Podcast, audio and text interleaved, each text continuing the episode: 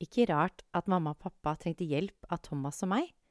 To av vennene til onkel Peter hadde kommet i formiddag og sagt at mannen på eselet ville spise påskemåltid i huset der de var tjenere.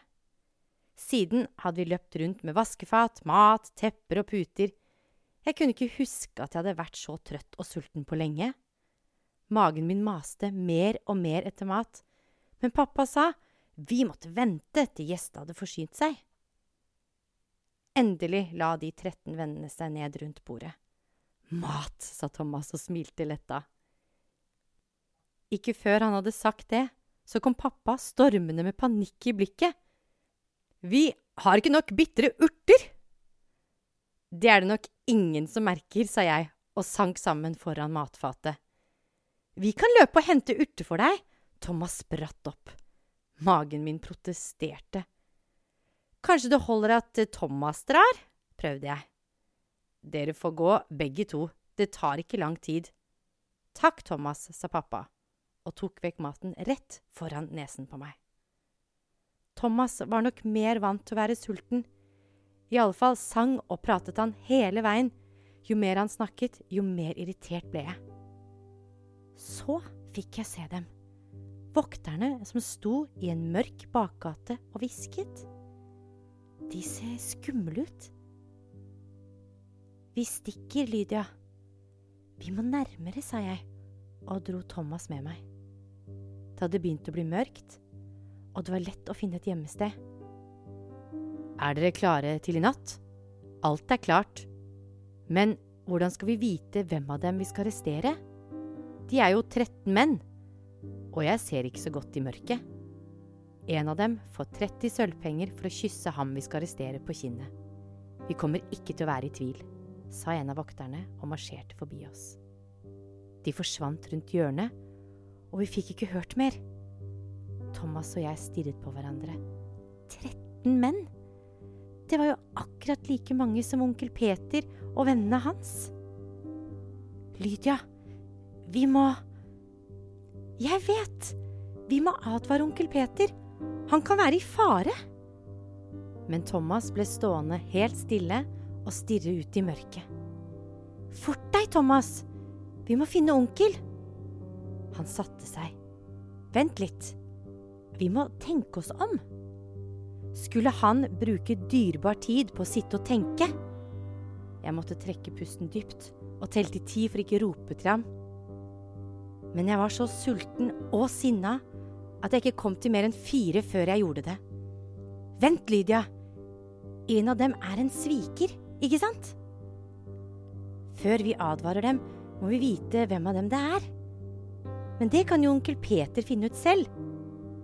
Ikke hvis Thomas så alvorlig på meg. Ikke hvis det er onkel Peter selv som skal svikte en av de andre. Jeg rygget unna. Selvsagt er det ikke onkel Peter. Hvorfor ikke? Fordi! Hadde det ikke vært for Thomas, hadde jeg sittet hjemme og spist mat akkurat nå. Dette tøyset hans vil jeg ikke stå her og høre på. Det hender jo onkelen din gjør ting uten å tenke seg om, sa Thomas etter meg. Jeg snudde og gikk helt opp til ham. Ti stille med deg. Du tror du vet noe om onkelen min, men det gjør du ikke.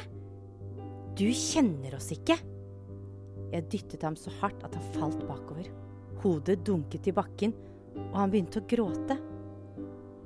Det var ikke meningen at han skulle slå seg. Likevel fortjente han egentlig å gråte litt, kjente jeg.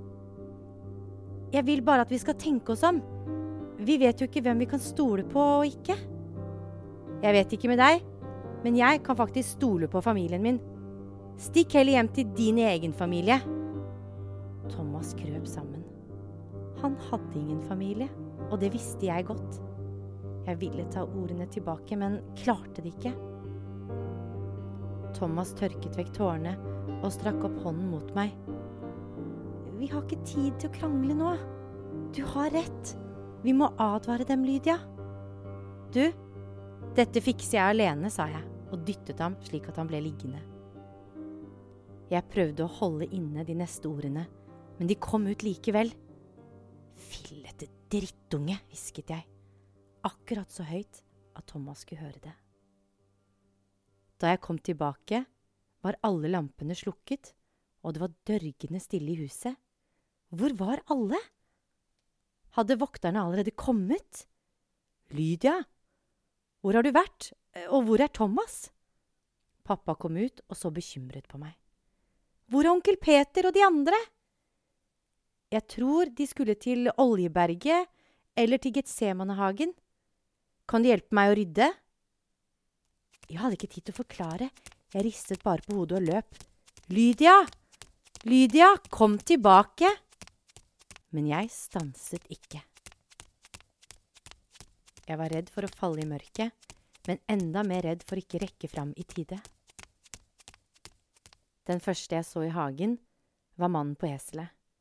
Jeg kikket rundt meg, ingen av de andre var å se. Jeg tok et steg nærmere.